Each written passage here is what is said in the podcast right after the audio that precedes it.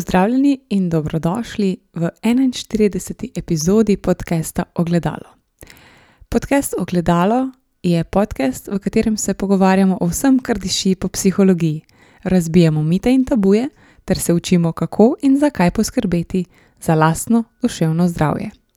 Z vami sem psihologinja Špela Kresnik.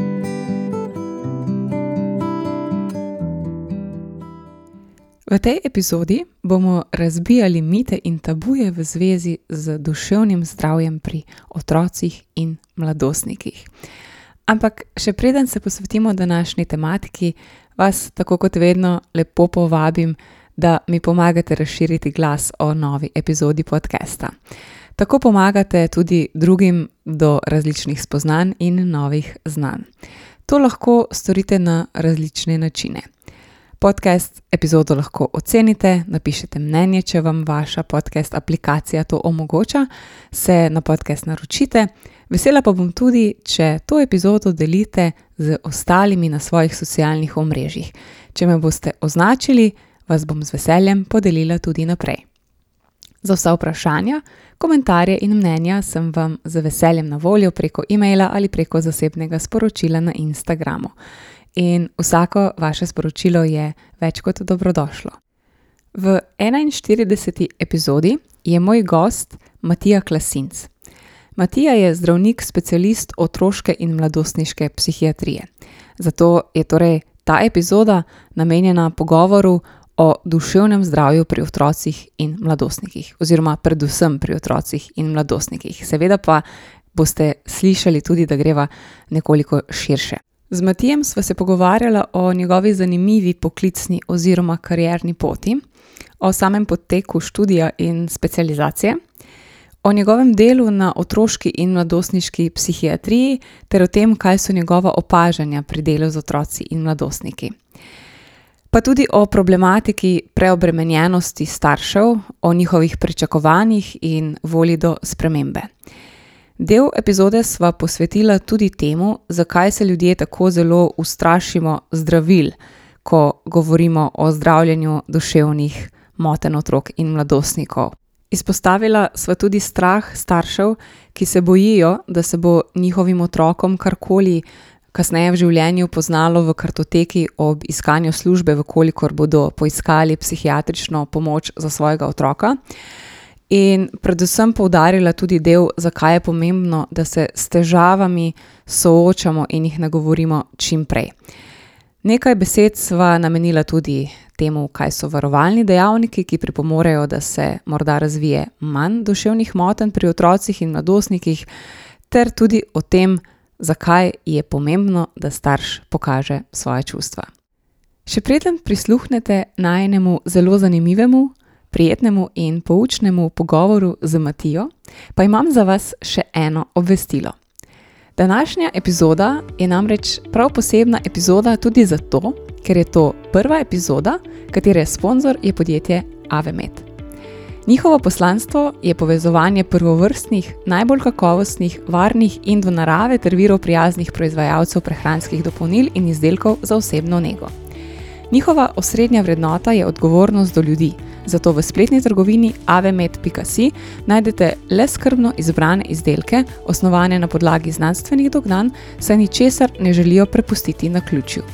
Vabljeni, da se tudi vi oglasite v njihovi spletni trgovini in podprete svoje psihično in fizično zdravje z njihovimi naravnimi prehranskimi dopolnili. Povezavo do spletne trgovine avemet.si najdete tudi v opisu te epizode. Zdaj pa vam želim prijetno poslušanje. Pozdravljen, Matija. Živijo.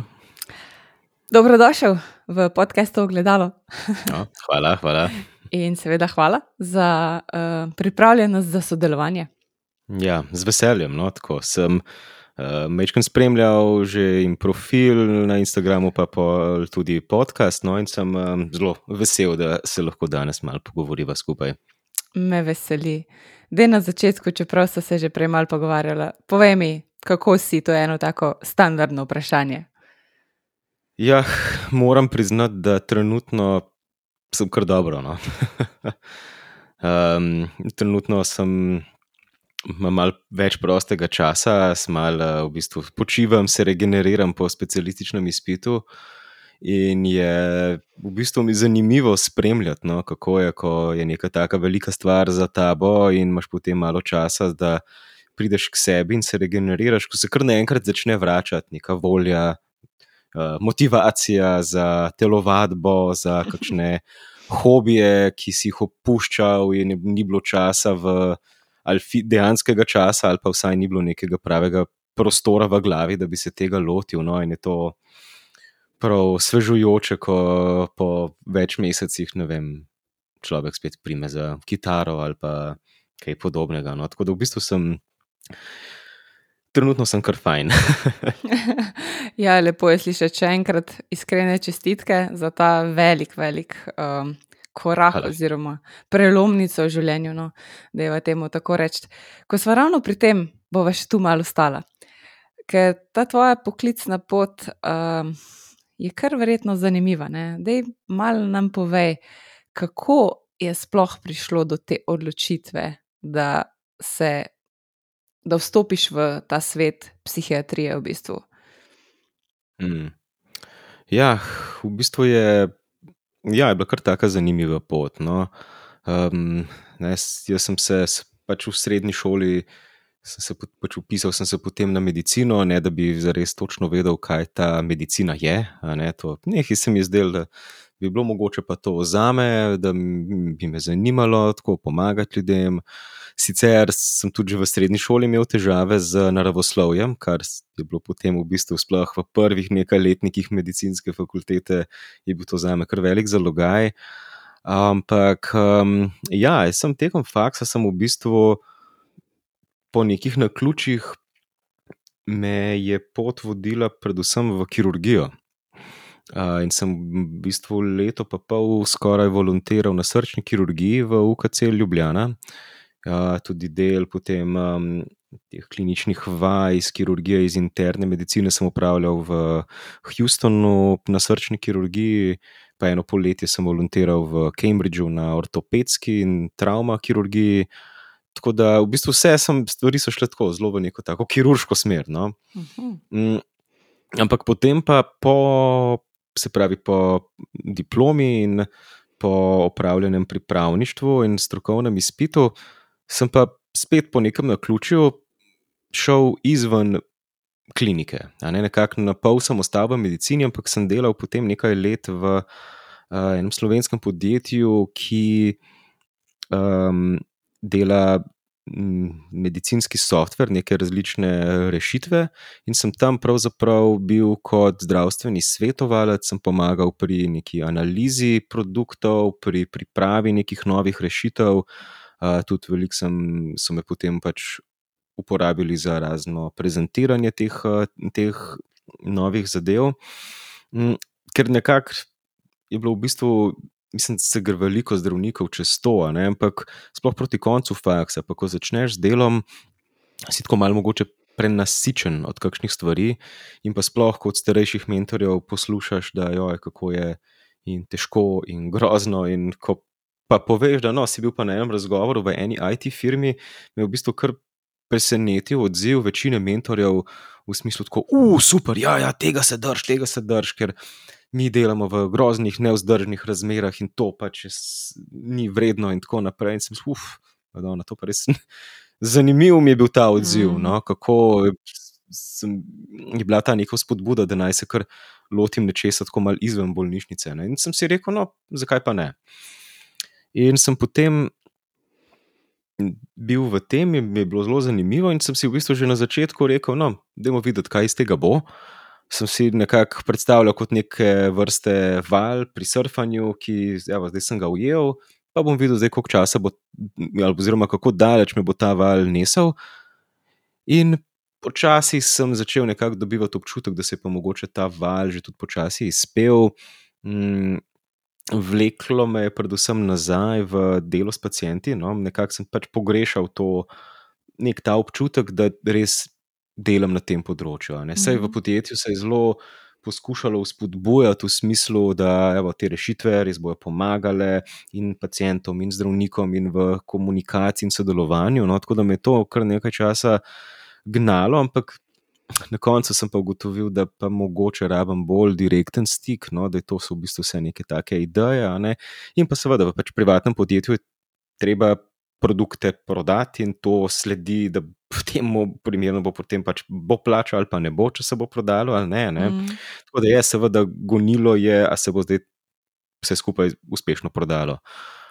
In potem sem začel spet razmišljati, okay, ne, zdaj, kako bi se vrnil. Mi je bila pa tako psihiatrija odnegdaj zanimiva. Ne? Mm, nekako sem se omogočil, da bi se vsaj še takrat na, na faksu. Uh, nekako se nisem je resno lotil, mogoče me je bilo malo, ne vem. Tako, ne, ne bom rekel strah, ampak sem mogoče bil še nisem bil dovolj zrel za kaj takega. No? Ampak potem, pa, ko sem o tem razmišljal, pa se pogovarjal, no? pa sem imel še potem kakšnega zanimivega mentorja, ki mi je rekel, no, da se to pa bi bilo za me.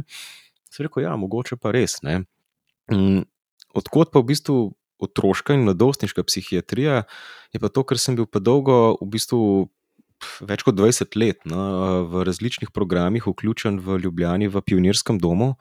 Uh, Pionirski dom je v bistvu nek center za kulturo uh, mladih.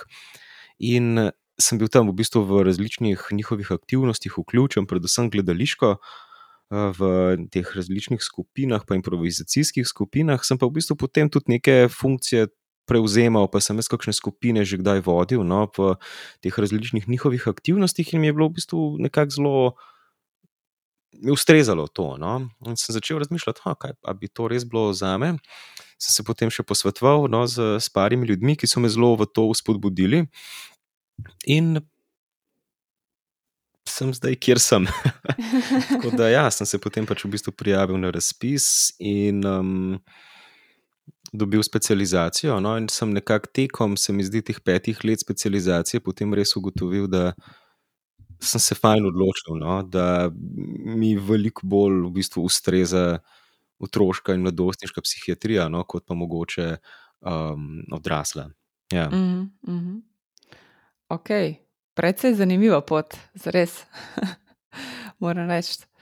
Ja, veliko enih sprememb je bilo, no? um, ampak sem zelo vesel za vse, v bistvu vse te stvari, ki sem jih tekom kariere do zdaj pač spoznal, ker sem dobil čisto pri vsaki stvari neko dodatno širino, ki se mi zdi, da mi danes lahko zelo pomaga. Ker je res mm. v psihiatriji, sploh v otroški, zelo dinamično vse skupaj. In se mi zdi, da ne tudi pa sem delal v bistvu v privatnem sektorju par let, ne, sem tudi tam dobil v bistvu neke izkušnje, ki bi sicer ne bi mogel spoznati drugače. Kako, s kakšnimi stvarmi se starši mojih uh, pacijentov spopadajo, kako je to, ko si mogoče v neki nesigurnosti, službeni, uh, tudi kakšne so zahteve v. Nekih privatnih IT firmah, tako, lahko to veliko bolje razumem, kot pa če bi bil v bistvu celo pot uh, po teh nekih tirnicah javnega šolstva in zdravstvenega sistema. In res vsaka od teh stvari mi je dala tako, ne, nek deli nekega mozaika, so, ki mi pogosto lahko prav pridajo v različnih situacijah. No. Absolutno, vse te situacije pa uh, izkušnje so te v bistvu obogatile in ti dale neko širino, ne, da vidiš še malo na vzven. Deva, deva to ponoviti. Um, kako da se bodo ljudje znali predstavljati, in se mi zdi, da tega nikoli ni preveč, da to ponavljamo. Da si bodo drugi znali predstavljati, koliko časa traja v bistvu celotna pot do konca, hmm. uh, se pravi, do specialističnega izpita. Hmm. Kadar šele začneš, hmm. če prav razumem, uh, bolj ali manj samostojno čisto delati ne, to, kar si želiš. Ja, se pravi, po zaključeni gimnaziji je medicinska fakulteta, Ljubljanska in Mariborska, no, obe trajata šest let. Uh, in je potem, še, seveda, po, po šestih letih, je možen tudi uh, eno leto absolventa, ja, um, kar večina kar mora izkoristiti, no, ker je le toliko v bistvu enih izpitev, toliko enih zahtev, da do, do konca prideš do diplome. Potem, po upravljanju, se pravi, po diplomi, je sledi pripravništvo in pa sekundarij. No. Te stvari se vsake par let malo spremenijo, koliko dolgo to traja, ampak v glavnem je, mislim, da približno eno leto. In potem, potem moraš opraviti strokovni izpit, ki je tudi tako ogromna, v bistvu, zadeva. No. Um, Po strokovnem izpitu se pa potem lahko zdravnik prijavi na uh, specializacijo, ki pa potem traja zelo različno dolgo, glede na smer, um, ampak večinoma so od 4 do 6 let. Ne, specializacije. Uh, psihiatrija in otroška psihiatrija trajata 5 let. Um, ampak kot zdravnik, specializant, že delaš, delaš in imaš v bistvu ogromno. Uh -huh in dela in odgovornosti in dežurstva. Um, je pa pač zamišljeno to tako, da v bistvu tekom dela kot specializant, se pravi, se učiš stvari, in zdaj, odvisno spet od smeri, so še neka dodatna ali obvezna izobraževanja, moduli, kolokviji. Um, ampak, da je. Pravno formalno ne delaš samostojno, ampak ja, ne, mora biti nekje kot nek nadzorni specialist, na voljo, ne? ampak praktično pa je v bistvu veliko samostojnega dela. Ne? Mogoče mm. na začetku res te še malo šparajo, potem pa sploh, ko se začnejo dežurstva, je ogromno, uh, ogromno na tebi. Tako da to, potem pa je ta specialistični izpit uh, na koncu specializacije in takrat. Um, So pa spet zelo razlike med različnimi specializacijami. Zdaj, eni imamo za pripraviti specialistično nalogo, vem, da eni na enih smereh morajo pripraviti v bistvu kar neke um, protokole, kako bi se določenih stvari um, za, za obravnavo pacijentov. Um, ponovadi je nek to sledi iz nekega praktičnega in pa teoretskega dela, ta izpit.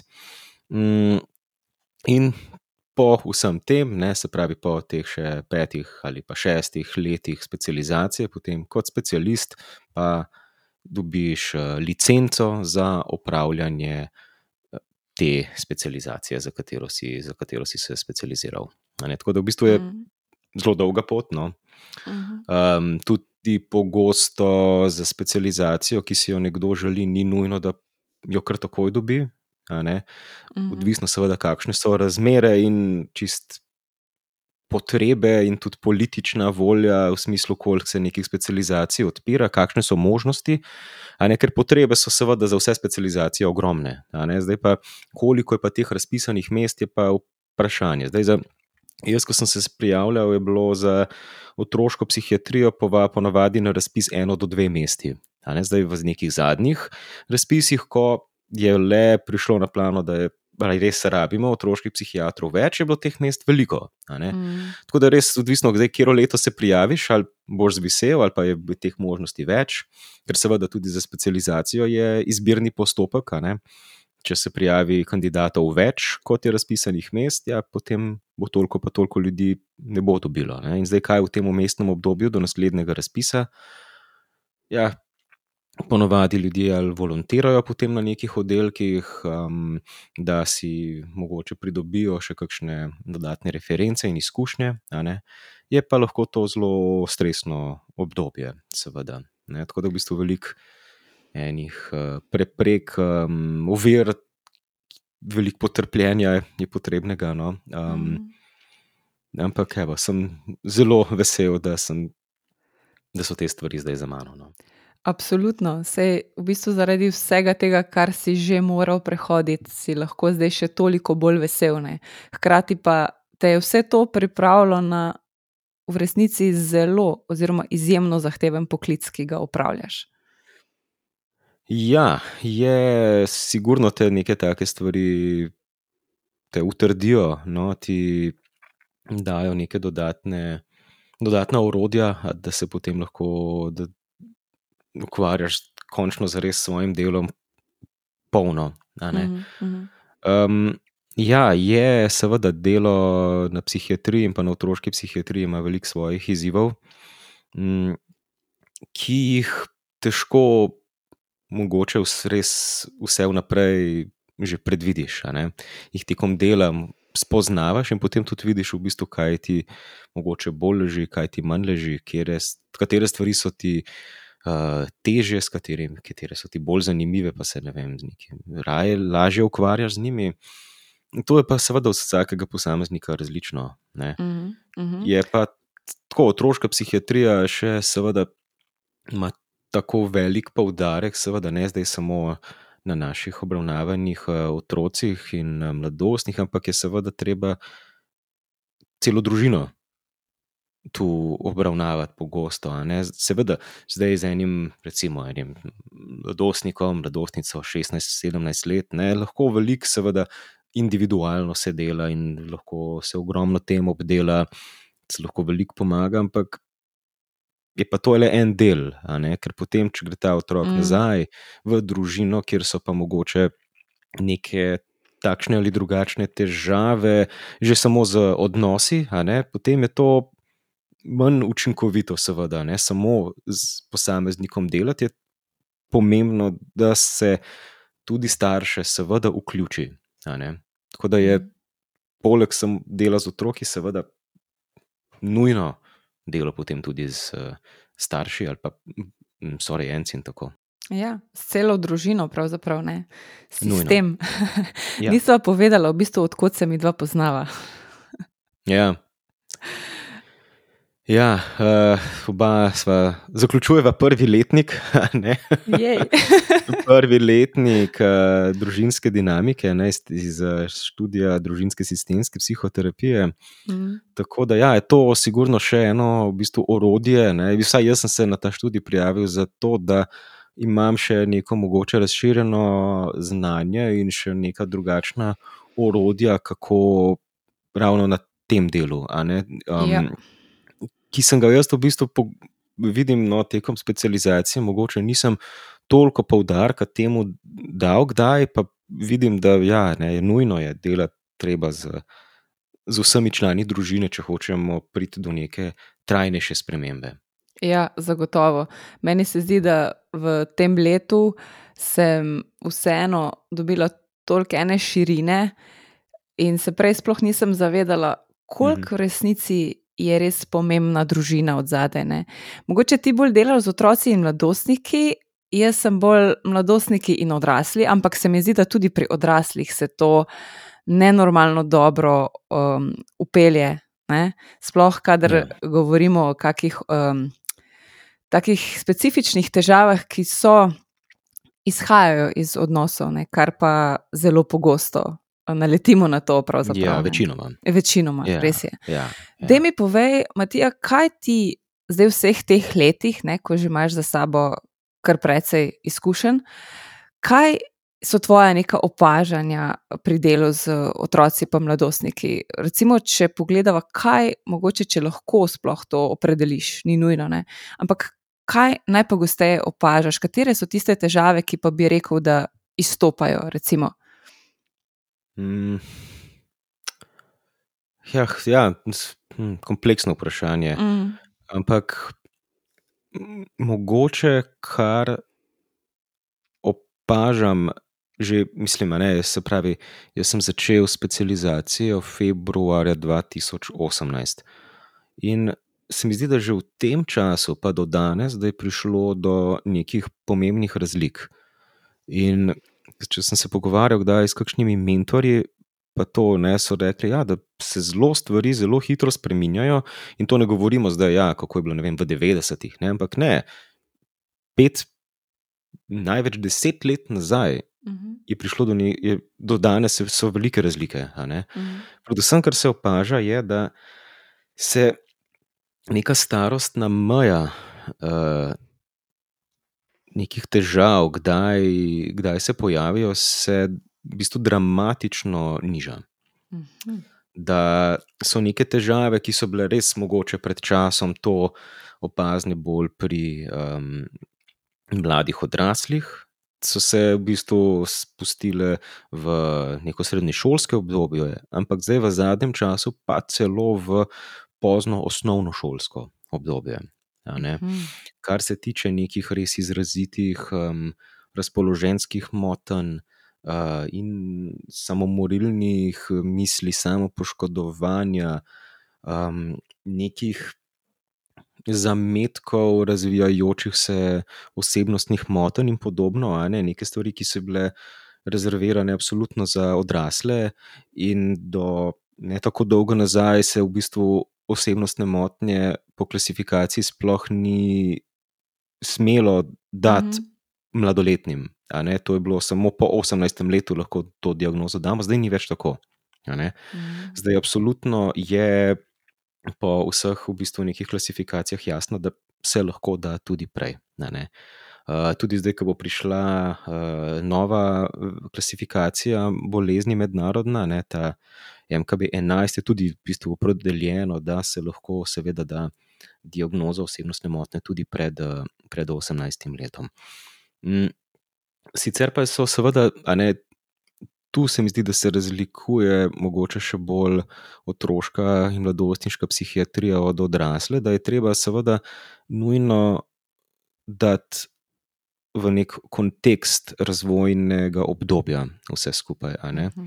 Kaj so neka pričakovanja pri določeni starosti, in seveda potem, kakšni so neki kompenzatorni mehanizmi za tem. Um, to se mi zdi, da so neka taka znanja, oziroma nek poudarek, ki ga otroški psihiatri moramo vedno v bistvu upoštevati pri, pri svojem delu. Um, tako da, ja, to je sigurno nekaj, no, kar je meni zanimivo, no, v bistvu tudi presenetljivo. Ko so mi rekli, ne vem, ne, kakšni specialisti, da ja, pa sej, no, jaz, ne, sem bila jaz še specializantka na oddelku, uh, poleti v bistvu sem bila lahko tudi sama, ne, tudi ti specialisti so lahko šli tudi na kakšen daljši dopust, sem pa tja, je kdo kakšen pacient prišel, bila kakšna motna hranjenja, pa smo že to obdelali, ne, pa, ni, pa ni bilo nič takega, par pacientov. Zdaj so pa v bistvu oddelki polni skozi. Poleti Wow. in po zimi, mislim, so oddelki na, na pediatrični kliniki v Ljubljani in na kliniki za pediatrijo v Mariboru, mislim, skozi je polno in je zelo težko eh, že imeti nek um, elektiven program, ne, se pravi, da bi nekdo prišel planirano na neko hospitalizacijo, ker so v bistvu tako pogosta urgentna, urgentna stanja. In je to sigurno neka razlika, ki je res, se pravi, ne tako dolgo nazaj tega ni bilo. Od hudo poslabšanih, tudi nekih motenj hranjenja in v bistvu nekih um, razpoloženjskih težav samomorilnostjo. Mm, Sicer pa je treba vedeti, da je ogromno še v bistvu otrok s takšnimi in drugačnimi težavami. ne. Uh, najpogostejše sicer v otroškem obdobju so vedenske težave, um, mot, hiperkinetične motnje in podobno, ne, ki zdaj odvisno od eh, tega, kako je.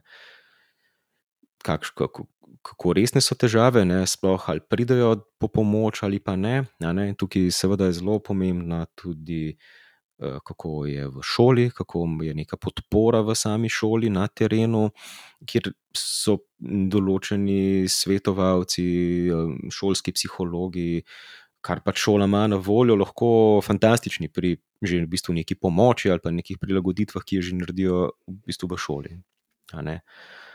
Um, tako da, ja, zelo v bistvu, a ne v otroški psihiatriji, praktično vse motnje psihiatrije vidimo.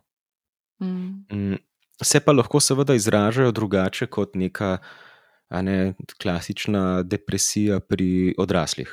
Ne, to Mm. bi re- vidimo v bistvu malo izražanje na nek drugačen način, spet seveda pogojeno z uh, razvojno stopnjo. a ne. Mhm. In to skupaj s tem gre pa seveda tudi to, da se naši možgani v bistvu razvijajo počasneje kot pa preostali del našega telesa. Naši možgani se zdaj dokazano razvijajo še dolgo, v bistvu ne vem, 20 leta, a ne, v bistvu tam do Mhm. nekega, zdaj, prav 24 do 26 leta š- še vidimo to zorenje tega um, sprednjega čelnega režnja, ne, prefrontalnega korteksa, ki je ključen pri razvoju same osebnosti in je treba to pač seveda upoštevati tudi pri otrocih, kako Mhm. čist zaradi nekih uh, fiziološko-anatomskih sprememb v možganjih, jih ne moramo v bistvu obravnavati kot pomanjšane odrasle. Uh -huh. Ampak je treba seveda to razumeti. Okay, tu, tu imam eno vprašanje, ko si rekel, ne, da te osebnostne mote, ker tudi, ko se spomnim, ko smo se mi učili, ne, je bilo vedno, da se diagnoza res postavlja uh, potem, ne, nikoli, nikoli pred 18. Uh, ampak zdaj me je tako malo um, zanima, predvsem to, oziroma razmišljam v tej smeri, ali to, da jih odkrijemo prej, pomeni tudi boljšo prognozo ali ne nujno. Glede na to, zdaj v kombinaciji s tem, ne, ko si rekel, da se zdaj dokazano možgani razvijajo še do 26. leta, lahko, torej, ne vem, razmišljam samo uh -huh. na Mhm. glas.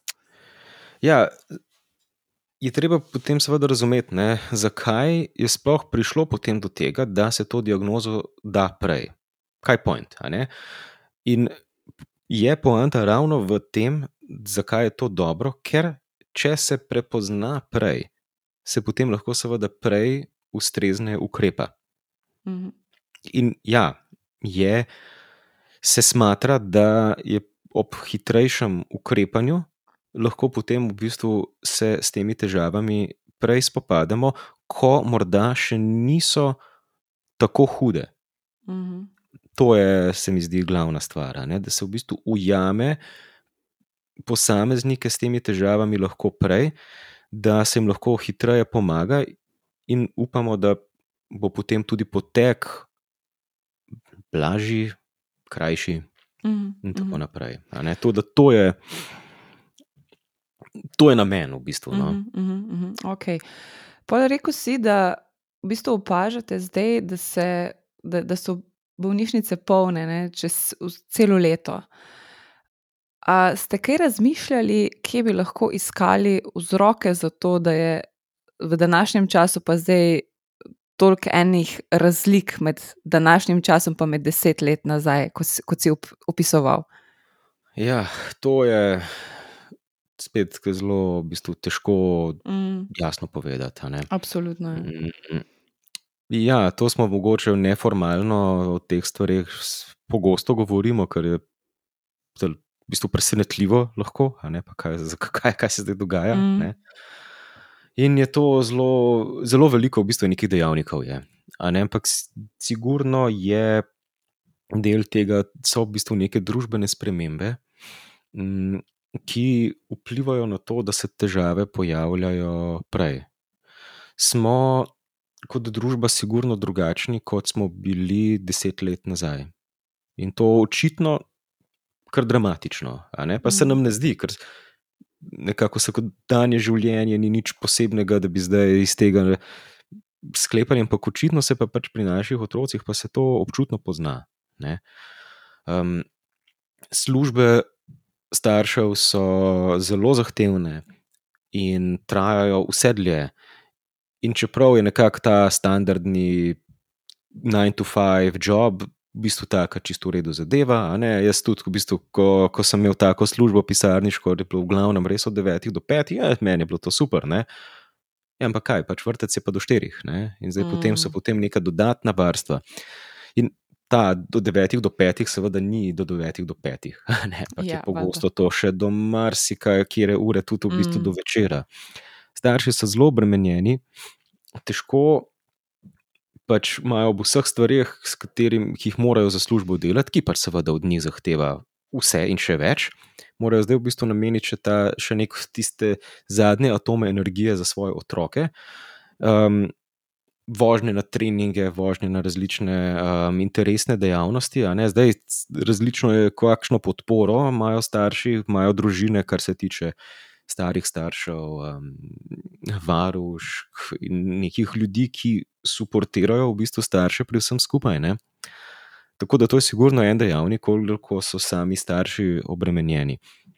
Mm, Očitno pa je, da sploh z neko dostopnostjo do različnih virov, kar se tiče predvsem družbenih omrežij, so otroci pod, sigurno v stiku z nekaterimi stvarmi, s katerimi sicer mogoče ne bi bili.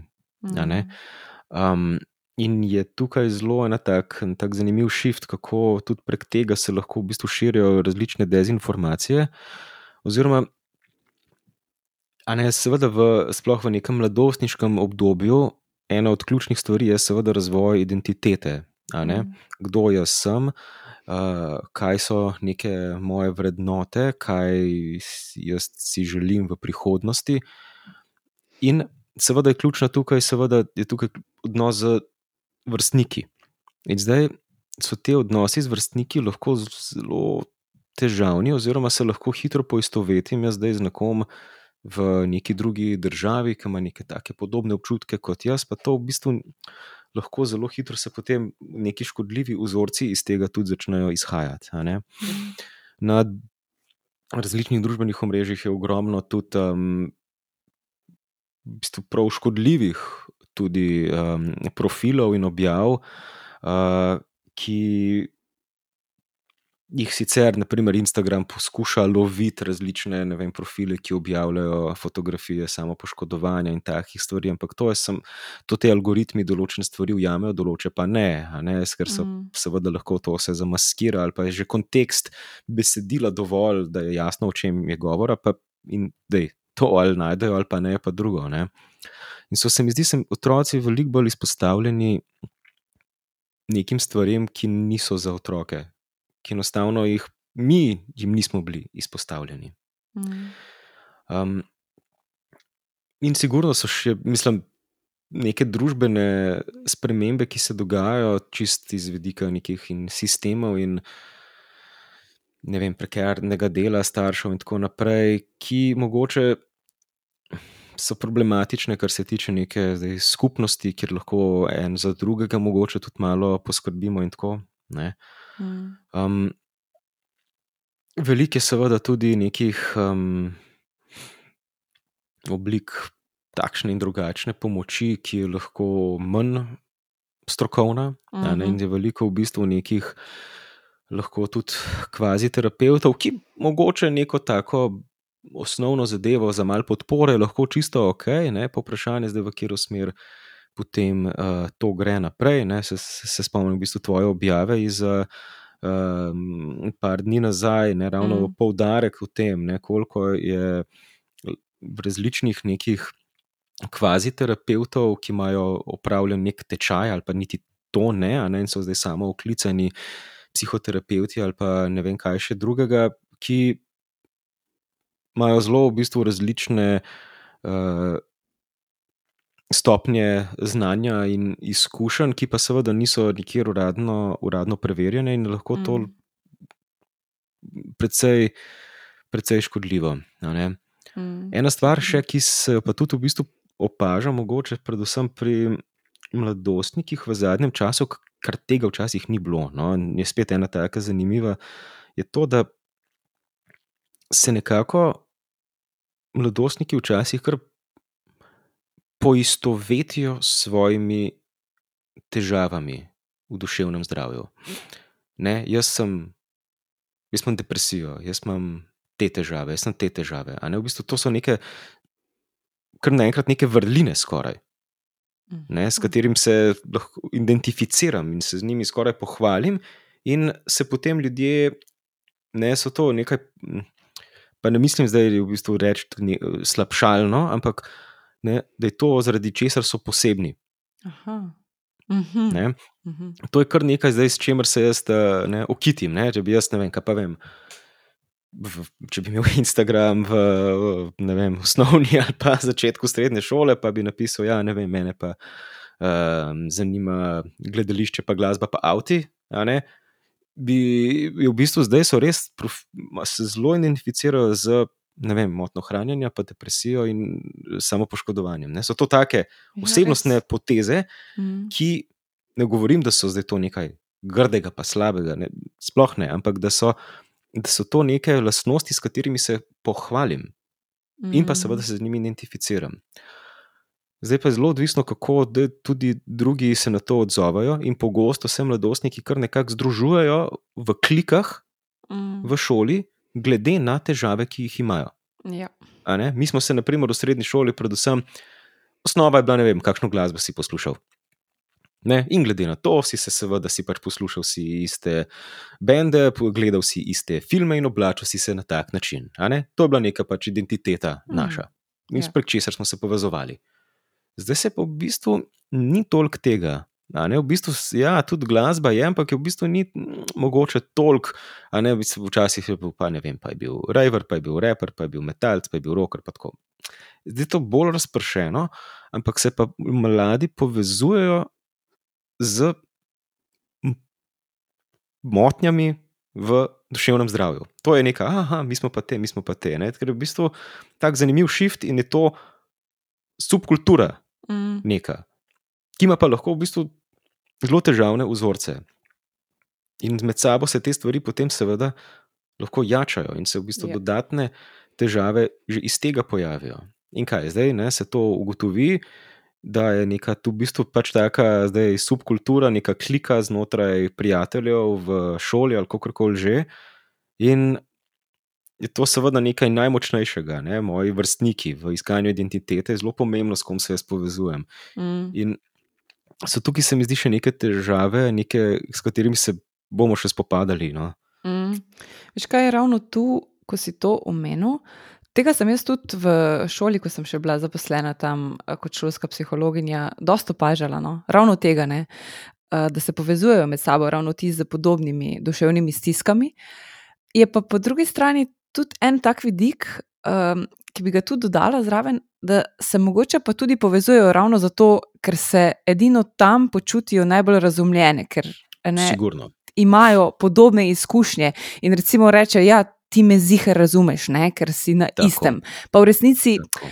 v resnici mi vemo, da to vseeno, kljub temu, da imata dva človeka lahko depresijo, trpita za depresijo, ni njuna izkušnja nikoli identična. Ne. Ja. Ja. Ja. Sigurno in izkušnja ni identična, um, in pa tudi zdaj, a sta res en drugemu lahko v pomoč, ali zdaj skupaj lahko toneta v Ja. težave globlje. Ne? Mhm. Sigurno je za nekega mladostnika, da ima nekoga, ki mu lahko 100% zaupa in pove svoje težave. Je to, mislim, ne samo za mladost, za, za vsakega je to pomembno, če imaš neko osebo, ki ji lahko poveš vse. Sigurno in to Mm. pri otrocih in mladostnikih je to mm, izjemno pomembno. In samo po sebi nič narobe, seveda, da imaš nekoga, s katerim se res dobro razumeš in si in en drugemu zaupaš. Hvala Bogu. Um, ja, je pa in seveda se prek tega potem najdejo. Ne? Ta me pa razume, ker je imel pač ne, Mm. recimo, take težave. Sigurno in to ni nič slabega samo po sebi, ampak je pa lahko težavno, ker je to lahko potem kar neka velika družba, že kar Mhm. naenkrat. In je potem se pogosto najde še mogoče nekdo, ki je malenkost slabše prilagojen in je mogoče toliko bolj podvržen nekim stvarem. In se potem to hitro lahko pripelje tudi do res neugodnih vedenj in nekih praks, ki so pa lahko potencialno zelo nevarne. In glih to je, ne, da je v tem obdobju mladostništva, ker še ni prefrontalni režen zrel, je vodi v neko impulzivno vedenje, ki pa je Mhm. lahko zelo tvegano. A ne, Do res neugodnih zlorab substanc, ne, ne samo neko ne, mladostniško eksperimentiranje, ampak do nevarnih zadev in do seveda nevarnega samopoškodovanja in tako naprej. ne. Mhm. Mhm. Um, tako da, ja, mislim, da bomo še pred velikimi izzivi. No. Ja, zagotovo. Mislim, prihaja pa to, seveda, vedno z pač nekaj letnim uh, zamikom iz Amerike, Ja. ne, ker imajo teh težav že veliko dlje. Je pa res, da te stvari se mi zdi prihajajo k nam veliko hitreje, kot so pa včasih. Ker je seveda z internetom to vse instantno, pač povsod po svetu, in se lahko povezujejo zelo, z zelo neugodnimi zadevami. Obenem, kar je pa zelo pomembno, in se mi zdi, da to ni samo, kar se tiče neke otroške psihiatrije, ampak medicine na splošno, a ne, ker so seveda podatki o različnih in boleznih in zdravljenju pač na voljo takoj, ko pač vzamemo telefon v roke, da seveda neke tere stvari, ki so neko zdravljenje, kaj pa vem, za katero zadevo v neki drugi državi. Morda pač to pri nas ni taka praksa, pa to ne da je kaj s tem narobe, ampak enostavno so razlike v zdravljenju, v razlike v pojavljanju določenih oblik bolezni in v, seveda, funkcioniranju sistema drugačne pri nas, kot pa druge. Kaj šele na drugem koncu sveta, naprimer v Ameriki. Mhm, a ne. mhm. In je dostopnost do določenih storitev drugačna, drugačna, ne pa nujno slabša ali boljša v eni drugi državi, ampak prilagojena bolj družbi in sistemu druge. ne. In se mi zdi, da tukaj se, se pogosto lahko se, se, se s tem soočamo. Ne. Ja, ne, sem pa bral, da tam pa Ja. tam pa delajo to tako pa tako. Ja, fajn, ne, v Ja. redu. Ampak to pa ne pomeni, da je ta a, metoda, to zdravljenje, kakorkoli že, enako učinkovita lahko pri nas. Ker ja, smo, je povprečen slovenski mladostnik pač drugačen od povprečnega ameriškega mladostnika. Ne? Čez različni šolski sistem smo šli, čez različne uh, kulturne neke vrednote, ki jih imamo, in seveda niso te stvari nujno Mm. enako uporabne. Ja, pri nas, sigurno. ja. Veš, treba je povedati, ne, sed na začetku smo že omenili, koliko let traja celoten proces šolanja, da prideš ti do tega, da postaneš dejansko specialist otroške in mladostniške psihiatrije ali pač česar koli drugega. Ne. In je drugače, sigurno nekdo v stiski gre in prebere, kaj vse je na internetu, pa kaj je kje druge, ne, ampak ni za brez veze toliko let šolanja v zadju. To je, se mi zdi, tisto. Um, če bi bilo vse tako simpel, pa enostavno, bi tudi noben se ne rabo šolati, pa bi šel sam na Google, pa bi bilo to to. Ne? Pa ni. Ja, uh, sigurno ne. je to en, en faktor, so seveda izkušnje in v bistvu to šolanje, ki te za neko stvar pripravi. Je pa jasno, so ljudje več v stiski, želijo pomoč takoj, ne, neko pomoč, ki, za, ki so jo videli na, pač pri svojih verih, mogoče to preč, pri nas sploh ne obstaja, ampak zdaj. Lahko, Mhm. da smo res na zadnjaški, pa da nekih stvari uh, pač so pri nas, do, do nas enostavno še niso prišle. Pogosto je pa ni nujno neka stvar iz tujine res enako dobra kot pri nas. Ne? Um, ampak v stiski, ja, ravno tudi zaradi še ne najboljše dostopnosti, mogoče do nekih um, zdravnikov, psihologov in terapeutov, se seveda ljudje poslužijo marsičesa. Ker ja, otrok ima težave in je treba mu zdaj pomagati. Ne? Kaj pa zdaj? Zdaj, ja, zdaj mu je treba Zdaj, pomagati. Tako. Seveda, ta trenutek. Ne? Mm. Um, mi je zanimivo, starši pogosto pridejo v urgentno ambulanto.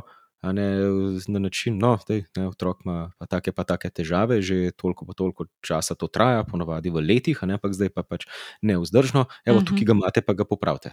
Tako, tako. Ne? Zdaj pa, evo, kle je zdaj ta otrok, zdaj pa, evo, izvolite pa popravite. Ne? In je treba z, z nekim takim, zdaj, seveda, odvisno od družine, s posebnim občutkom iti v vsako družino in to na nek način razložiti, da hm, no, mogoče pa to ne gre tako, kot menjava sklopke. Na, na avtu, ampak da v bistvu je to zdaj, če trajalo leta, da smo prišli do te točke, bo verjetno kar nekaj časa trajalo, da se pa stvari popravijo. Pa ne samo Seveda, časa, ne, energije, truda, oh. sprememb. Ne, Ja. ja. To vse potegne za sabo. In ta, ta volja za spremembe, ne, to mora biti res močna motivacija vseh. Mm. Ne. Um, in, in neke stvari spremeniti je seveda težko. Mislim, vsakemu je to težko. Ne. Neke navade um, prilagoditi, ampak se pa da. Ne. Seveda ni, niso stvari, nuj- ne samo črne, ne. je veliko je seveda izzivov, no, ampak um, se pa veliko seveda da narediti. Ne. Zdaj, če je prava volja in motivacija, se seveda da. ne. Mm, In sigurno. tukaj se mi zdi, no, otroška psihiatrija, fajn, no, ker so recimo neke stvari, vsaj pri otrocih, niso toliko kronificirane. Ne, so lahko, lahko pride do nekih sprememb, mogoče malo prej, kot pa v odrasli psihiatriji. Je pa res, da veliko, mislim, da je kakšne možnosti imamo, kar se tiče zdravljenja, psihoterapevtskega, uh, medikamentoznega, a ne. So pa potem mogoče ene stvari bolj ali pa manj na voljo, a Mhm. ne, ker je sicer razmeroma malo zdravil, ki jih ima- imamo registriranih v Sloveniji za uporabo pri ot- otrocih in mladostnikih, ampak je pa za veliko v bistvu. Sicer psihiatričnih zdravil, možnost pisa, še vedno predpisovanja um, nekih stvari, čeprav niso registrirane, ampak ker je toliko enih in raziskav in objav o uspešnosti zdravljenja, je to lahko v bistvu še vedno čisto uporabno. ne. Um, je pa imajo, se mi zdi, neka psihiatrična zdravila pogosto neko tako zelo negativno konotacijo, ljudje se jih zelo hitro ustrašijo, ker imajo strašna imena. Ne? Antidepresivi, antipsihotiki. a ne. Ampak potem pa pride en otrok z težavami, z uh, hudimi anksioznimi motnjami in paničnimi napadi in ima antidepresiv. Pa kaj ima ta otrok zdaj za delati z antidepresivom? Zato, ker je to pač v bistvu neko staro ime za skupino nekih zdravil, ki jih pa uporabljamo za zelo različne stvari. Ne? In pri eni skupini teh zdravil, antidepresivnih, ne, v osnovi, je dokazano, da v bistvu lahko zelo učinkovito pomagajo pri različnih anksioznih motnjah, pri različnih um, obsesivno-kompulzivnih motnjah in tako. ne.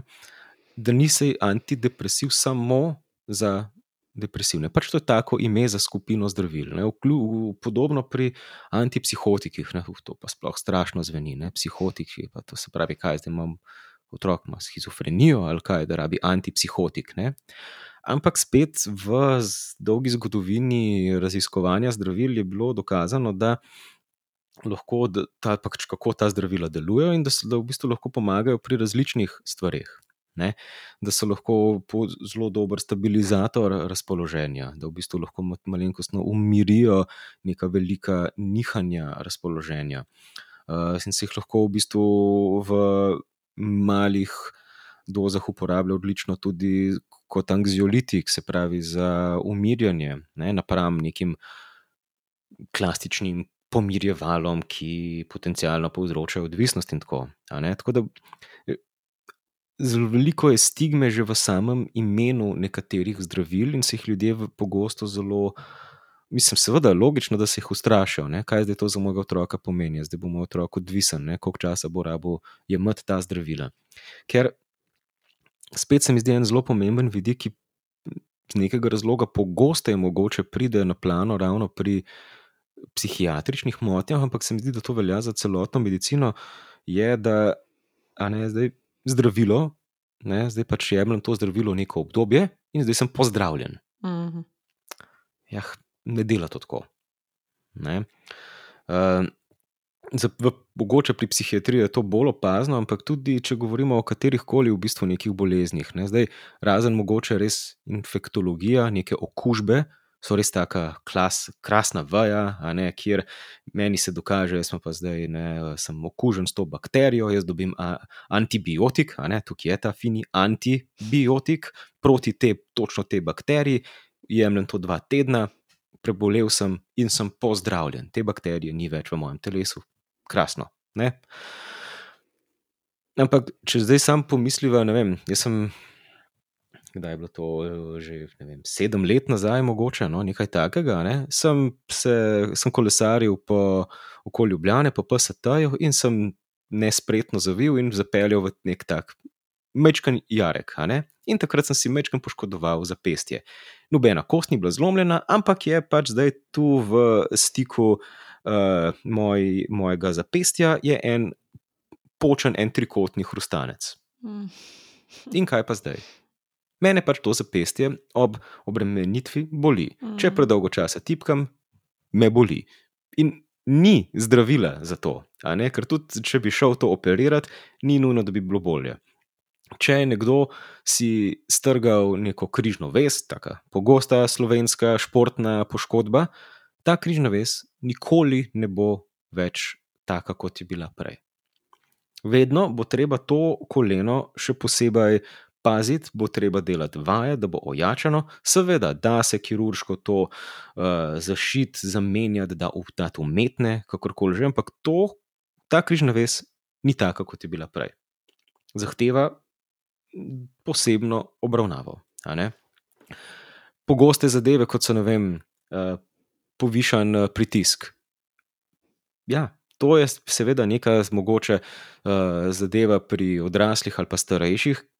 In zahteva ali konstantno jemanje zdravil, in seveda določene prilagoditve v vedenju. In prehrani, verjetno. Ja. Seveda, dieta, prehrana in um, gibanje, mogoče seveda spet sprememba vedenja. In pa podporno zdravila. Nekdo, ki je izjemno discipliniran in ima podporno okolje, uh, da se, se res družinska prehrana zdaj lahko spremeni, in smo zdaj vsi se s tem strinjamo, mogoče ne bo potreboval zdravil.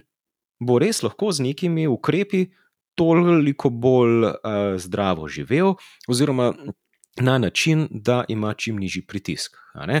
Da je, ne vem, službeno manj obremenjen in tako naprej. In super bo brez ne, antihipertenzivov, ne, človek lepo funkcioniral. In jaz mislim, da je enako, pa potem seveda pri psihiatriji. Ne, ne. Ogromno je nekih sprememb vedenja posameznika in družine, ki pomembno lahko vpliva na. Uh, potrebo po zdravilih oziroma samem funkcioniranju. Ne? Ampak zdravila so pa tisto, kar nam lahko pomaga, pa da mogoče do te motivacije, ki je na začetku, ni sploh pridemo. Mhm. Pomembno je seveda pogasiti nek požar, ne pa se zdaj ukvarjati. Ja, Madonna, pa res ta tla niso v redu, da moramo najprej tla zamenjati z nekimi negorljivimi. Ne, ne, najprej treba pogasiti požar. Mm -hmm. Če nekdo v šolo ne more hoditi, ker ima tako pogoste panične napade in se začne šoli izogibati, ker vsakič, ko pride skozi vrata učilnice, doživi panični napad in potem zbeži domov, je, je treba to resno vzeti. In je treba se seveda najprej z akutnimi težavami spopasti, potem pa lahko gremo naprej in poskušamo z različnimi ukrepi doma, v šoli in pri posamezniku da se olajša, da se povrne funkcionalnost. Ampak Ker to, to je tisto pre... v medicini. Ja, ja. To je to. Točno to. To se mi zdi, da zdaj moramo dati še dodaten poudarek. Ne? Lepo si rekel, zdravila pomagajo, ja. niso pa stoprocentna rešitev teh težav. To ne Absolut. pomeni, da bodo težave zginile, ampak se mi zdi, da tega je v Sloveniji ogromno. Ne?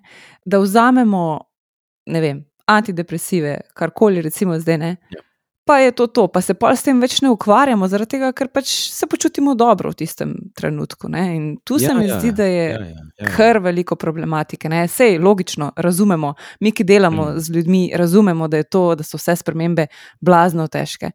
Celo za nas, ki delamo z ljudmi, vsi, vsi ja. težko delamo neke spremembe. Ne? In tu se mi zdi vredno res uh, dati dodaten poudarek na to, no, da niso nadomestilo, ampak so pomoč, podpora.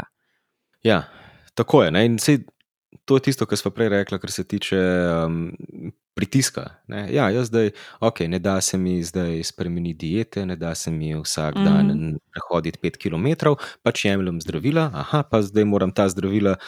Redno višati odmerek, zato ker seveda moj pritisk je samo še slabši, ker je stanje mojih žil tako, kakršno je, in se zaradi nespremembe vedenja, seveda, se samo slabša.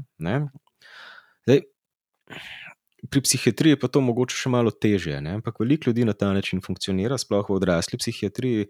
Um, oziroma, predpisovanje antidepresivov je veliko in ga ogromno, seveda, predpisujejo družinski zdravniki.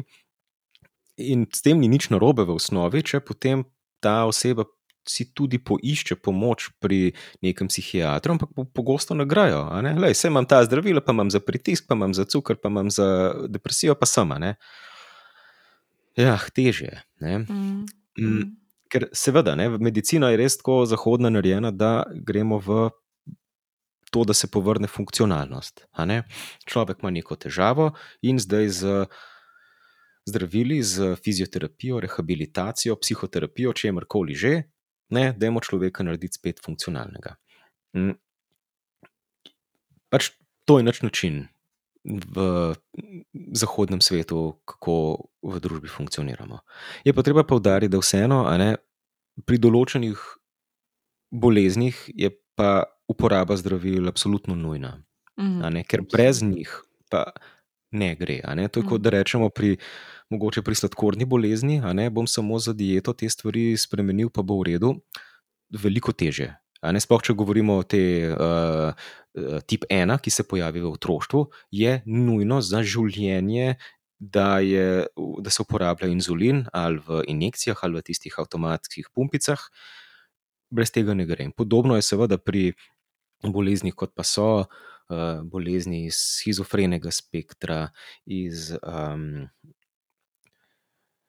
um, bipolarne motnje in tako naprej. Mm, Se pravi, ko je za bazično funkcioniranje organizma nujno zdravljenje z zdravili.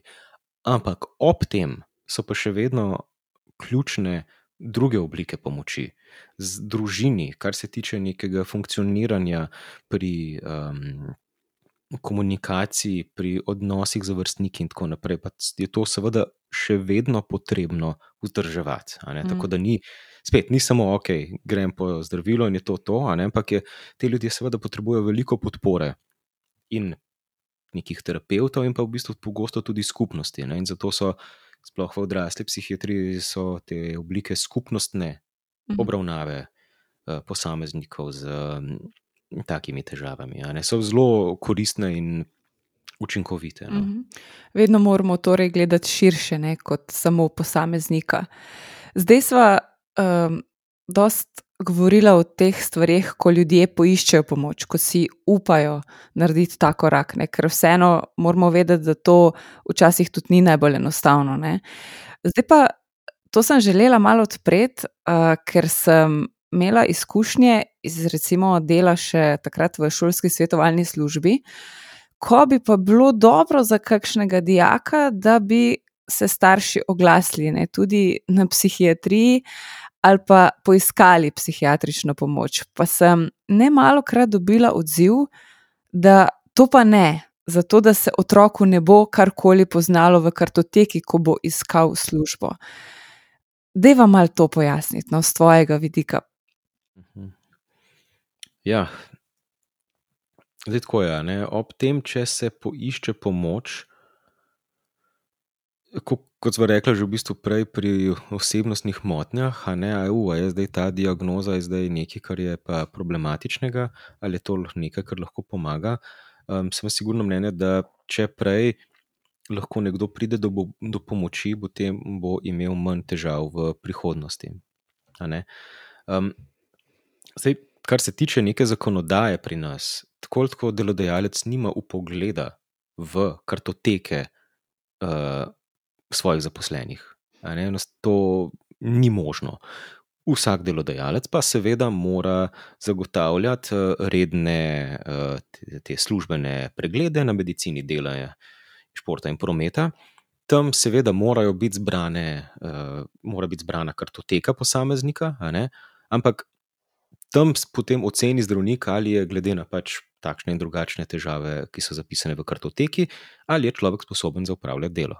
In tu ni nekih težav. Ne? Če je imel nekdo težavo v mladostništvu zaradi tega ali onega, to ne pomeni, da je potem nezaposljiv, ne? ker se gleda seveda trenutno stanje. In treba je pa tudi seveda vedeti, da če je nekdo obravnavan m, na psihiatriji ali kakorkoli že. Neki izvidi, zapisi zdravnika ali pa terapeuta, to ni prosto dostopno v kartotekah osebnega zdravnika. Že, to so stvari, ki so pač res ostanejo v bistvu zaprte pri, v ambulanti, dobesedno, in tudi elektronsko je to na ta način poskrbljeno. Večinoma so. Mm, izvidi, oziroma sploh pa mogoče te sprotni ambulantni zapiski, ostanejo izključno v sistemu informacijskem te ustanove. Nimajo dostopa druge ustanove do tega. V Sloveniji obstaja ta tako imenovana um, interoperabilna hrbtenica, ki omogoča, da različni bolnišnični sistemi dostopajo do dokumentov, ki so v tej hrbtenici. Se pravi, da če nekdo pride na uh, urgenco v Mariboru, bo lahko videl izvide iz kakšnih drugih bolnišnic, ki so bili poslani. To se zdaj zadnjih nekaj let se to, se to dogaja, ampak tam noter so res samo določeni izvidi, naprimer pač bolnišnice. Če je bil nekdo operiran in je potem noter tisti izvid ali pa iz urgence, načeloma se to kar pošilja. Um, niso pa to zdaj noter ambulantni zapisniki z nekimi osebnimi um, podatki, oziroma nekimi um, intimnimi podatki, predvsem no, posameznika. Tako da jaz mislim, da tukaj res ni skrbi, da bi zaradi nekih uh, težav, ker nekdo obiskuje psihiatra, bil nekdo slabše, teže zaposljiv, kakorkoli že. Mm. Zdaj vem, da je naprimer skrb, da ja, zdaj pa, vem, se nekdo želi zaposliti na policiji, v vojski in zdaj se bo pa to poznalo v kartoteki. Ne? Jaz mislim, da to ni neka ovira, ker v vsakem primeru bo, če se nekdo želi zaposliti v vojski, naprimer, moral čez ta zdravniški pregled, ki pa je del tega pregleda uh, pred začetkom neke službe, je pa seveda tudi psihološki test. In se bo tam pokazalo za te čisto specifične. Uh, težave, ki so mogoče, so res v navskrižju z um, nekim poklicem. A je zdaj oseba sposobna opravljati ta poklic ali pa ne. Če pa je nekdo v obravnavi, resni obravnavi, in se s temi težavami spopada, lahko že nekaj let, so pa v bistvu lahko te težave do nastopa službe že tako v blagi obliki, da ni težav. Ne, v bistvu za vsakega delodajalca, ne glede na to, zdaj, kje je, uh, se mi zdi bolj koristno, da je nekdo, ki se ukvarja s svojimi težavami in se z njimi uspešno spopada, veliko koristneje, kot pa če se zdaj s tem ne spopadamo, se dela, da, delamo se, da ne obstaja, potem pa so resne lahko težave. Mm. Um, se mi zdi pa tudi na kak splošno se pri nas je. Stigma nekih duševnih motenj še prisotna, ampak je neprimerno drugače to, kot je pa bilo mm. še ja, vem, 15 let nazaj. Mm, Mislim, da je že danes res toliko veliko govori o vem, raznih izgorelostih in podobno, da to ni zdaj neka, ni, ni več to nek bav, ampak je to že v bistvu zelo odprti pogovori o tem. In seveda se izgorelost, seveda, tudi potrebno obravnavati, se mi zdi, z neko zdravniško pomočjo, če ne drugega, da se uredijo in bolniške, in tako naprej, in da se človeku lahko potem zagotovi um, pomoč. In mislim, da to ni več ne, neka. Grozna stigma, da se reče, ja, je ta oseba pa imela pač izgorelost. Tako, ja, seveda je imela, kdo pa nima, ker pač delamo preveč in smo preveč uh, podvrženi različnim pritiskom. Um, tako da se to izboljšuje. Ne, se mi zdi neko, tudi neka splošna klima, tudi recimo, no, malo, malo starejših. Tako, um, sigurno pa bi jaz res rekel, da če nekdo rabi pomoč, je bolje, da jo dobi prej. In če se bo videlo pri, ne vem, čez deset let, ko se bo nekdo po fakulteti ali kako koli že želel nekje zaposliti in je bil pač tam nek zaznamek, da je imel pa v ne vem, ne, v srednji šoli panične napade, zaradi tega ne bo noben delodajalec imel kakršnih koli možnih ukrepov, ker seveda to do njega ne bo prišlo, ker je gatekeeper tega še vedno ta specialist medicine dela, ki bo potem opredelil, ali je to, da je pa ne, nekdo imel panične napade v srednji šoli, ali bo to vplivalo na njegovo zmožnost upravljati ne, bilo kateri poklic. No. Mhm. Jaz mislim, da je ta skrb uh, uh, odveč. In če so pa neke take težave, zaradi katerih pa mogoče res ni nekdo primeren, ja, to se pa pač, hvala Bogu, da se pokaže. Ja, Ne? res je. Mislim, je pa mogoče potem ustrezno, da nekdo ne opravlja nekega poklica, Mhm, če ja. res tega ne zmore. Ja, ampak to, kot si rekel, ni vezano na to, ali je imel nekdo težave v duševnem zdravju v obdobju otroštva ali pa Absolutno mladostništva. ne. Super, Tako. zdi se mi, da si zelo lepo to zdaj razložil in upam, da bo čim več staršev slišalo to, da v bistvu nek tak mit oziroma tabu um, zrušiva ja. tukaj na tem področju. Ja, ja, ja. A Ne, in tudi če je nekdo bil nekje obravnavan, to je seveda ne velike zmede, zdaj kdo so psihiatri, pa kdo so psihologi, pa kdo so neki svetovalci, pa socialni delavci. Pa tako. um, vsaka od teh stvari, a ne, če je nekdo zaradi takšnih ali drugačnih težav prišel po neko pomoč, mislim, je to lahko samo dobra stvar. Mm. In nihče se mi zdi, od, sploh od, nas, ki delamo v javnem uh, sektorju, ne bo dodatnih pacijentov si naročal ne, pri nekom, ki je imel neko obdobje težav, pa zdaj ni obravnava več potrebna. Ne bomo si jih kar naročali na neke dodatne kontrole, če to ni potrebno. Ne, in je lahko to res samo neko premostitveno obdobje, pa se v bistvu ugotovi lahko znotraj tima, da ja, okay, mogoče pa ta res ne potrebuje psihiatra, bo dovolj, da, da eh, dela z psi, eh, kliničnim psihologom, ali pa pač mogoče bo že dovolj z uh, specialnim pedagogom, ker so pa v bistvu se potem ugotovi, da so pa res to samo neke učne težave, zaradi katerih pa ima otrok stisko. Ne? Ker nek, enostavno ima neko hujšo obliko diskalkulije, pri matematiki ne gre, pri ostalih predmetih je v redu, povzroča otroku to veliko skrbi, uh, za starše je to seveda potem obremenjujoče, lahko so in težave razpoloženja, lahko so vedenske težave, ki jih je treba seveda najprej obravnavati, da se pogasi ta požar. Ok, potem pa vidimo, da je v bistvu spodaj ležeča res neka specifična učna težava, in se na ta način otroku potem pomaga, in lahko je potem to to. Mm. Če pa tega ne naslovimo, pa lahko iz tega nastane samo še večji požar. Ne?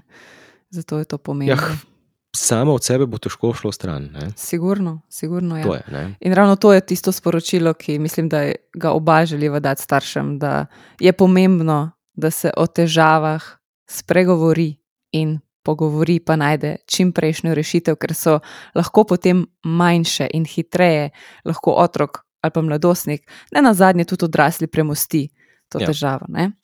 Ja. Okay. ja, Uh, zdaj smo dosti govorili o vlogi staršev, uh, nismo pa še povedala, kaj vidiš ti kot neke varovalne dejavnike v družini, ki pa so lahko pozitivni in pomagajo k temu, da pa mogoče se ne razvije to, kar bi se sicer. Ne, na- recimo. Ja, zdaj določenim stvarem je težko pobegniti, ker je vpliv v bistvu in genetike pomemben, a ne, in se neke stvari najverjetneje pri pač nekih osebah bojo razvile, ne glede na to, v katerem okolju je. Je pa potem to izražanje lahko zelo različno. Kar se tiče genetike v otroški, mislim, v psihiatriji na splošno, a ne, ni, imamo točno raziskanih oziroma genov, ki bi rekli, da ja, če je oseba prenašalec tega gena, se bo razvila ta motnja. Nažalost, ne še, no, ali pa vprašanje, če sploh kdaj bomo imeli res lahko ta, tako lepe načaj med posameznimi geni in pa potem razvojem osebnosti, mislim, duševnih motenj. Um, dokazano je, da so v bistvu zelo različni te geni, na katere pa potem v bistvu vplivajo različni triggeri, da se bo ta potem gen v praksi potem tudi izrazil, in je potem rezultat neka bolezen ali pa duševna motnja. Mm.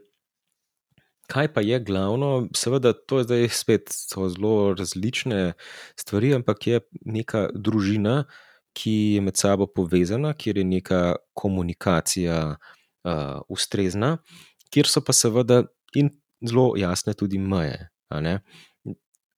veliko staršev imate lahko tukaj težave, kje je zdaj tista prava meja, kakšne koliko meje otroku postaviti, ampak meje seveda zagotavljajo neko varnost za posameznika. Če spet čisto plastično poveva, ja, zakaj so meje oziroma omejitve vožnje hitrosti. Ja, zato, ker je pač dokazano, da pač pri nekih uh, pri različnih hitrostih je lahko to bolj nevarno. Ne? In imamo se, da se tega držimo. Ja, ampak kaj pa v Nemčiji, ki pa nimajo? Ne? Tukaj zdaj pridemo na te. Ne? Ja, tam je pa to tako, pa tako. Ja, v Nemčiji to bolj funkcionira, pri nas pa pač drugače.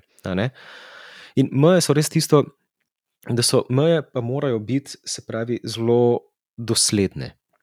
In moramo biti pri njih uh, res previdni, da če se dogovorimo, da A pomeni B, potem A pomeni B. In to je res pri, pri, pri vzgoju tako zelo pomembno, da, da to zagotavlja tisto varnost, da otrok ve, okay, če se zgodi to, se potem zgodi to. In obenem, da otroci vejo, da jih bodo starši jim pomagali pri težavah, ne, da če se zdaj staršu neko stvar pove, da to ne bo zdaj nujno samo vedno kazan, ampak da bo v bistvu lahko starš nudil podporo nekim težavam. Ne.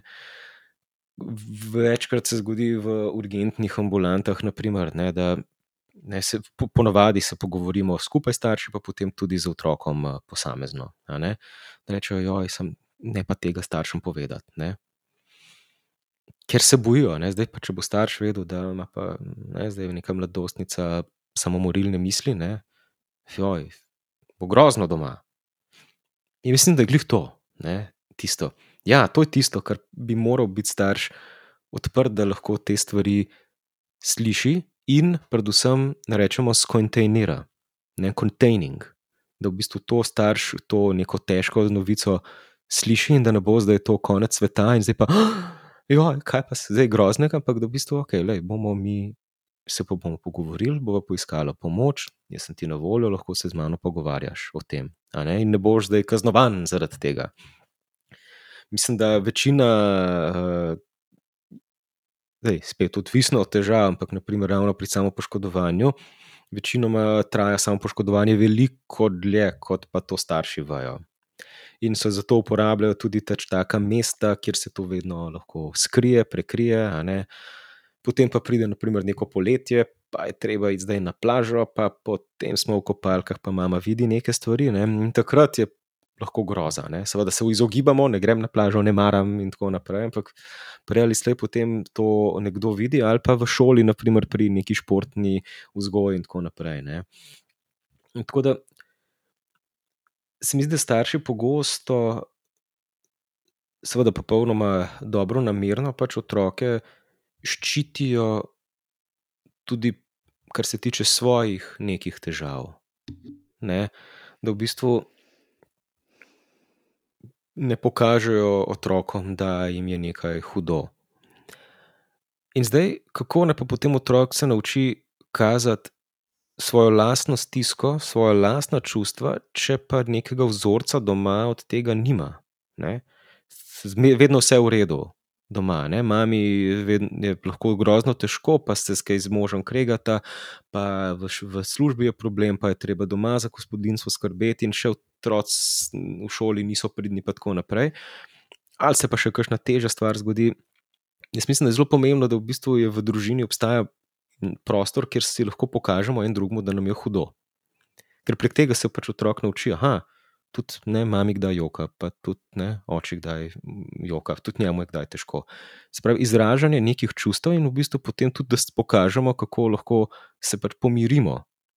Ne? Če otrok teh stvari ne vidi, bo težko sam iz nič, kar znal, se zdaj pomiriti. Ne? Sploh, ko je to neko obdobje, ko je ogromno nekih sprememb in hormonalno se veliko dogaja in so lahko velike stiske, drame in tako naprej. Ja, kako se zdaj z enimi stvarmi handlati, če jih nikoli nisem videl? V šoli tudi se mi zdi, da nimamo neke možnosti, da bi te stvari učili, ne? kako svoje čustva prepoznati, kako mm. jih potem izražati, in tako naprej. Ni veliko tega prostora. Slovenci se mi zdi pa, da smo nasplošno tako bolj zadržani, kar se tega tiče. Kazati pretirano čustva ni v redu. Ne? Um, jaz večkrat dam to uh, neko primerjavo, kako izgleda neko. Ne, če pomislimo, gremo kdaj na dopust ali pa nekam ven jesti, ne, in je pri sosednji mizi uh, skupina Italijanov. Ne.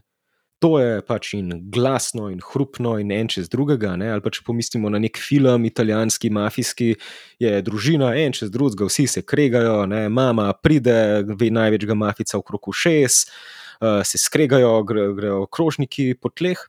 Ampak potem pa pač se spet to dajo ven in se čez pet minut ob kavi in sledici vsi ob, uh, objemajo in poljubljajo in se imajo radi. Zato, ker ja, pač je nek naraven proces, da se stvari da ven, sproti. Pa, če stereotipno pomislimo, kako izgleda slovensko nedeljsko kosilo, ne, sedimo za mizo, pa se malo gledamo. Pa, joj, bi rekel, da za malo soli, ali bo zdaj, ne, mama, užaljena, če bom kritiziral, zdaj, da juha ni dovolj slana, ne, in zdaj se vsi sedimo in tako potem to mine. Ne. Kdaj pa slovenci najbolj smemo izražati čustva, ja, ko se ga napijemo. Ne, takrat se pa lahko ali, se, ali veseljačimo, ali se ljudje stepejo, in tako naprej, jeza izbruhne, in, se, in ne vem kaj. Ja, ker takrat pa pusti ta neka zavora in takrat pa čustva bruhajo. Ne? Uh mhm. -huh. In jaz mislim, da sigurno je nekaj pomembnega, da se starši tudi učijo do svojih čustev razpolagati in jih začutiti in jih pokazati. Ker samo prek tega se potem lahko, seveda, tudi otroci naučijo, kako kazati čustva. In da če je zdaj, naprimer, ne, mama žalostna, pa joka, ker se nekaj težkega dogaja, da pač pride potem oče, pa jo pač malo objame, pa pride še mogoče še otrok zraven, pa se skupaj malo objamejo in je to, evo, zdaj pa pač bomo čez to zdržali. Ne? In da po, na podlagi tega pa potem lahko seveda, ja, jo, mami, meni je pa težko. In ne bo zdaj mama jezna ali pa pač. Mi moje čustva negirala, ah, pa kaj se sekiraš, pa se to ni načtacga, da je v redu se sprav, ne, za fante, sploh bog ne da, da bi ne vem, ne kazali pretirana mm. čustva. Problem se mi zdi pa pri nas je zelo jeza. To je pa čustvo z negativno konotacijo, ki ni sicer to neko negativno, ni, ni to slabo čustvo, ampak je pomembno čustvo, ki nam omogoča, da postavimo meje. Ne? Kaj, po mojem, vsi otroci smo in bomo in bodo poslušali, kaj se pa ti jeziš?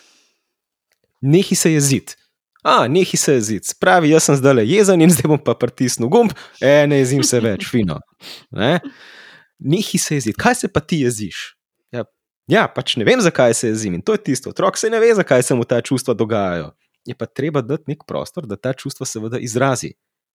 Ali jih pa pač v bistvu tlačimo, ne, tako kot jih tlači starata, ki se ne sme jeziti, dokler ne spije pet šnopcev, pa, pa pač razsaja. Ne. Mislim, nažalost je to tako zelo mm. pač stereotipna, ampak se mi zdi še zmeraj pogosta mm -hmm. situacija uh, pri nas. Ja. Tako da, ja, če se vrnemo na vprašanje, se mi zdi, da neko okolje, kjer gojiti skupaj kot družina, okolje, kjer si dovolimo kazati čustva in smo si v oporo, ko ima nekdo takšno ali drugačno čustveno težavo ali je nekoga strah, ali je nekdo vesel, ali je nekdo žalosten, ali pa jezen. Da, ok, si jezen, da je zdaj le nekaj, zdaj to jezo narediti. Ja, v službi te maltretirajo, prav je, da si jezen, ampak ne pa zdaj tako, da name kričiš. Deva mi, da s to tvojo jezo nekaj narediti. Evo, mm, greš lahko mal ven ali pa kakorkoli že. Ne, se pravi, da, da, da, da se naučimo čustvovati ustrezno. Mm -hmm pač da ima otrok neko podporo v svojih čustih, in pa seveda, da so možnost razvijanja, če pač zdaj odvisno od kakšne so zmožnosti, ampak razvijanja nekih talentov, a ne nekih interesov, neke, neka področja, kjer se lahko otrok v bistvu potrjuje, da je v nečem dober da se, in da se potem lahko to goji. Jaz mislim, da je to izjemno pomembno. No? Jaz sem zelo podpornik različnih hobijev, možnosti, da v bistvu se ne, dobi stik mogoče tudi z nekimi vrstniki, ki jih podobne stvari zanimajo, a ne spet, da je pač to neka entiteta, bazirana okoli nekega interesa. Ne, meni se zdi to zelo, zelo lahko koristno, in pa seveda, ja, ne, če si se to zdaj neko stvar goji, da si lahko v tem dober, to je za samo podobo splošno zelo, zelo dragoceno. Mm. a ne. Um, mislim, da bi lahko eno celo epizodo o tem govorila. No. Ne, Ampak sam si super to, ne. poudarke dal. Meni se zdi zelo, zelo pomembno to, kar si povedal. No? Da, predvsem, da slišimo sebe in potem tudi slišimo otroka. Ne? Ker vedno poudarjam, sama bom rekla, no, da je pomembno včasih začeti pri starših, da si dovolijo ne? videti ene stvari, jih začutiti, uh, jih prečutiti, bom rekla, in potem delati spremembe. Ne, ne samo, da ostanemo v tem. Ja, ja, ja. Um, mislim, da je veliko rezerve imamo no, uh, pri, pri teh zadevah. In seveda, se z različnimi čustvi se, se seveda vsak spopada na svoj način. Ni pa nič narobe pokazati Tako je. čustva Ja. ne, na nek ustrezen način. Oziroma, obratno je to še toliko bolje, če lahko zdaj to pač pokažeš. In bojimo se, da zdaj z neko ranljivostjo, ne, tem bomo pa, kaj, kako bo, kaj si bo zdaj on mislil o meni. Ne, ne morem jaz zdaj kle pred otrokom jokati. Ne. Mislim, to pa res ne gre. Ne. Sem tisti, ki mora biti zdaj. Ta stabilen in tako naprej, ampak pač ne, ne. mislim, Mhm. če se nekaj težkega dogaja, ne, ne vem, nekdo umre, seveda, ja, to je žalosten in je to v redu. Ne bo zdaj nekdo traumatiziran zaradi tega, ker je, je pač mama žalostna, ker je nekdo bližnji umrl. Mislim, ne, ne, to Mhm. je šola, kako se čustva kažejo in kako se vidijo, in Mhm. Kako jih lahko damo ven. Ja, Ne. res je. Ja. Meni se je to zelo pomembno. No? In sem imel par izkušenj tudi v praksi z ambulanto, ravno na ta način, da smo, so starši v bistvu ugotovili, da ja, pa sej ne, ni. Ne, jaz, a ne, velikrat, velika, velika stvar, seveda, je pri otrocih in mladostnikih. Ja, zdaj, staršu je težko neko stvar povedati zaradi nekega zaupanja. Ne? Bom zdaj to povedal. In pa obratno, tudi starši želijo, da, se, da jim otrok zaupa svoje težave. Ne, pa zdaj, kaj zdaj to pomeni? Ne? Kako lahko prideva mi dva zdaj do tega zaupanja? Ja, ja, ne vem, skozi se zap- zapira se v sobo, pa nič ne pove. Ne? Hočem pa, da mi pove. Ja, koliko je pa obratno tega?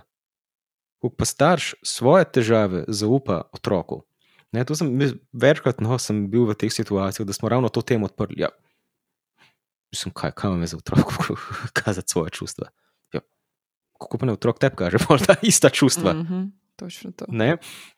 In ta neka, to zaupanje, v bistvu ta odprtost, gre v obe smeri. In potem pa lažje ene stvari en drugemu povemo, ker to je en drugemu moramo povedati. Ne? Težko je zdaj pričakovati otroka, da bo pa zdaj vse povedal, ja, obratno pa v bistvu ni. Ne? Starš pa otroku ne govori. Seveda niso vse teme primerne za otroka, bog ne da, mislim. Absolutno, ampak ni zdaj treba, ne, ne, še vedno mora biti starš starš otrokov. To, ni nek, to ni prijateljski odnos. Ja, To starš in otrok, to ni, mi dva nisva zdaj bestiče. a ne. In To se mi zdi tudi en tak poudarek. Ja, Ja, ja, ja, ja žal. pogosta stvar. je. In Mhm. potem se te meje, seveda, in potem naj zdaj starš postavlja meje. Ja, ne gre. Ne? Itak. Uh, seveda je treba pač neke, m- ne, neke ustrezne primernosti za otroka povedati, ampak če pa govorimo zdaj o čustvih, je pa to nekaj drugega. Ne? Ja, meni je pa težko. Ne rabi zdaj otrok terapirizirati starša. To je absolutno neustrezno. Ne? Ja. Ampak, če pa nekdo žalosten, pa da se pol malo skupaj, ne vem, malo objamemo, pa ne rabimo se pogovarjati. Pa smo samo malo sedimo skupaj, pa se malo objamemo, pa si s tem že ogromno lahko olajšamo stvari. Mm. Mm. In na ta način je pa to, seveda, je, je ustrezno. Ja. Tako da definitivno. Ja. To, no, se mi zdi, da se res ta odprta komunikacija iz vseh v družini. Mhm, Ne? Ker mhm. težko pričakujemo, zdaj, da bo nekdo odprto vsem govoril, iz druge stvari pa ne dobi. Ja, res je. Komunikacija je temelj. Ne? Ja, Um, komunikacija, meje in pa. Pom, to je neka taka moja stvar. No, se mi zdi zelo pomembno pač pristnost mm. v Mhm. tem. mm, A ne, da pristno se zdaj lahko pogovoriva in pristno ta čustva, ki so, niso zdaj neki narejena, ali pa moj odziv na ta čustva ni nek narejen, ampak da je tak. Pristen. In to je tisto neopisljivo, kar pa res samo začutimo. res je. Ne? Res je. In tega se ne da po naučiti in razložiti, kako čustvovati, in tako naprej, če tega v bistvu pristno ne začutimo. Mm, a Ne? In ta pristna komunikacija in pristno izražanje čustev, no, se mi zdi ključno pri, pisem pri odnosih. Mhm. Ne, ne s- nujno samo otrok, starš, ampak pač odnosih na splošno. res je. Ja. Uh, čudovito. Se mi zdi, da je tak lep, um, lep zaključek, no, so naredila. Vseeno pa bi te, tako kot vsakega povabim, še tebe povabila, da mogoče v dveh, treh, štirih stavkih daš neko sporočilo, ki bi ga želel pustiti, poleg pečata, ki si ga že pustil v tej podcast epizodi. Hm. Ja, jaz sem vseeno uh, optimist in jaz mislim, da težave so rešljive. Ne? Neka stvar, ki se nam danes zdi nepremostljiva, je lahko že jutri malenkost. In da v različnih obdobjih smo v različnih stvareh izpostavljeni, ampak da marsikaj se da ob ustrezni pomoči rešiti, in da smo zato na voljo strokovnjaki, ki se s tem spopadamo. In smo šolani za to, da se s tem spopadamo. a Ne, da to ni neko breme za nas, ampak da smo ravno zato mi v službi, da pri takih težavah smo na voljo. a Ne. In ne vem, kakšno grozno stvar se da rešiti. No. Mm. Hvala, Matija. Ja, z veseljem, hvala tebi za zelo prijeten pogovor. Ja, sigurno ni bil zadnji, upam. Ja, se strinjam. Hvala vsem, ki ste to epizodo poslušali do konca. Verjamem, da ste slišali precej zanimivih in uporabnih reči. Hvala tudi vsem, ki pomagate, da ta podcast doseže čim več ostalih ljudi. Vaša podpora mi zares ogromno pomeni. Hvala. Želim vam vse dobro.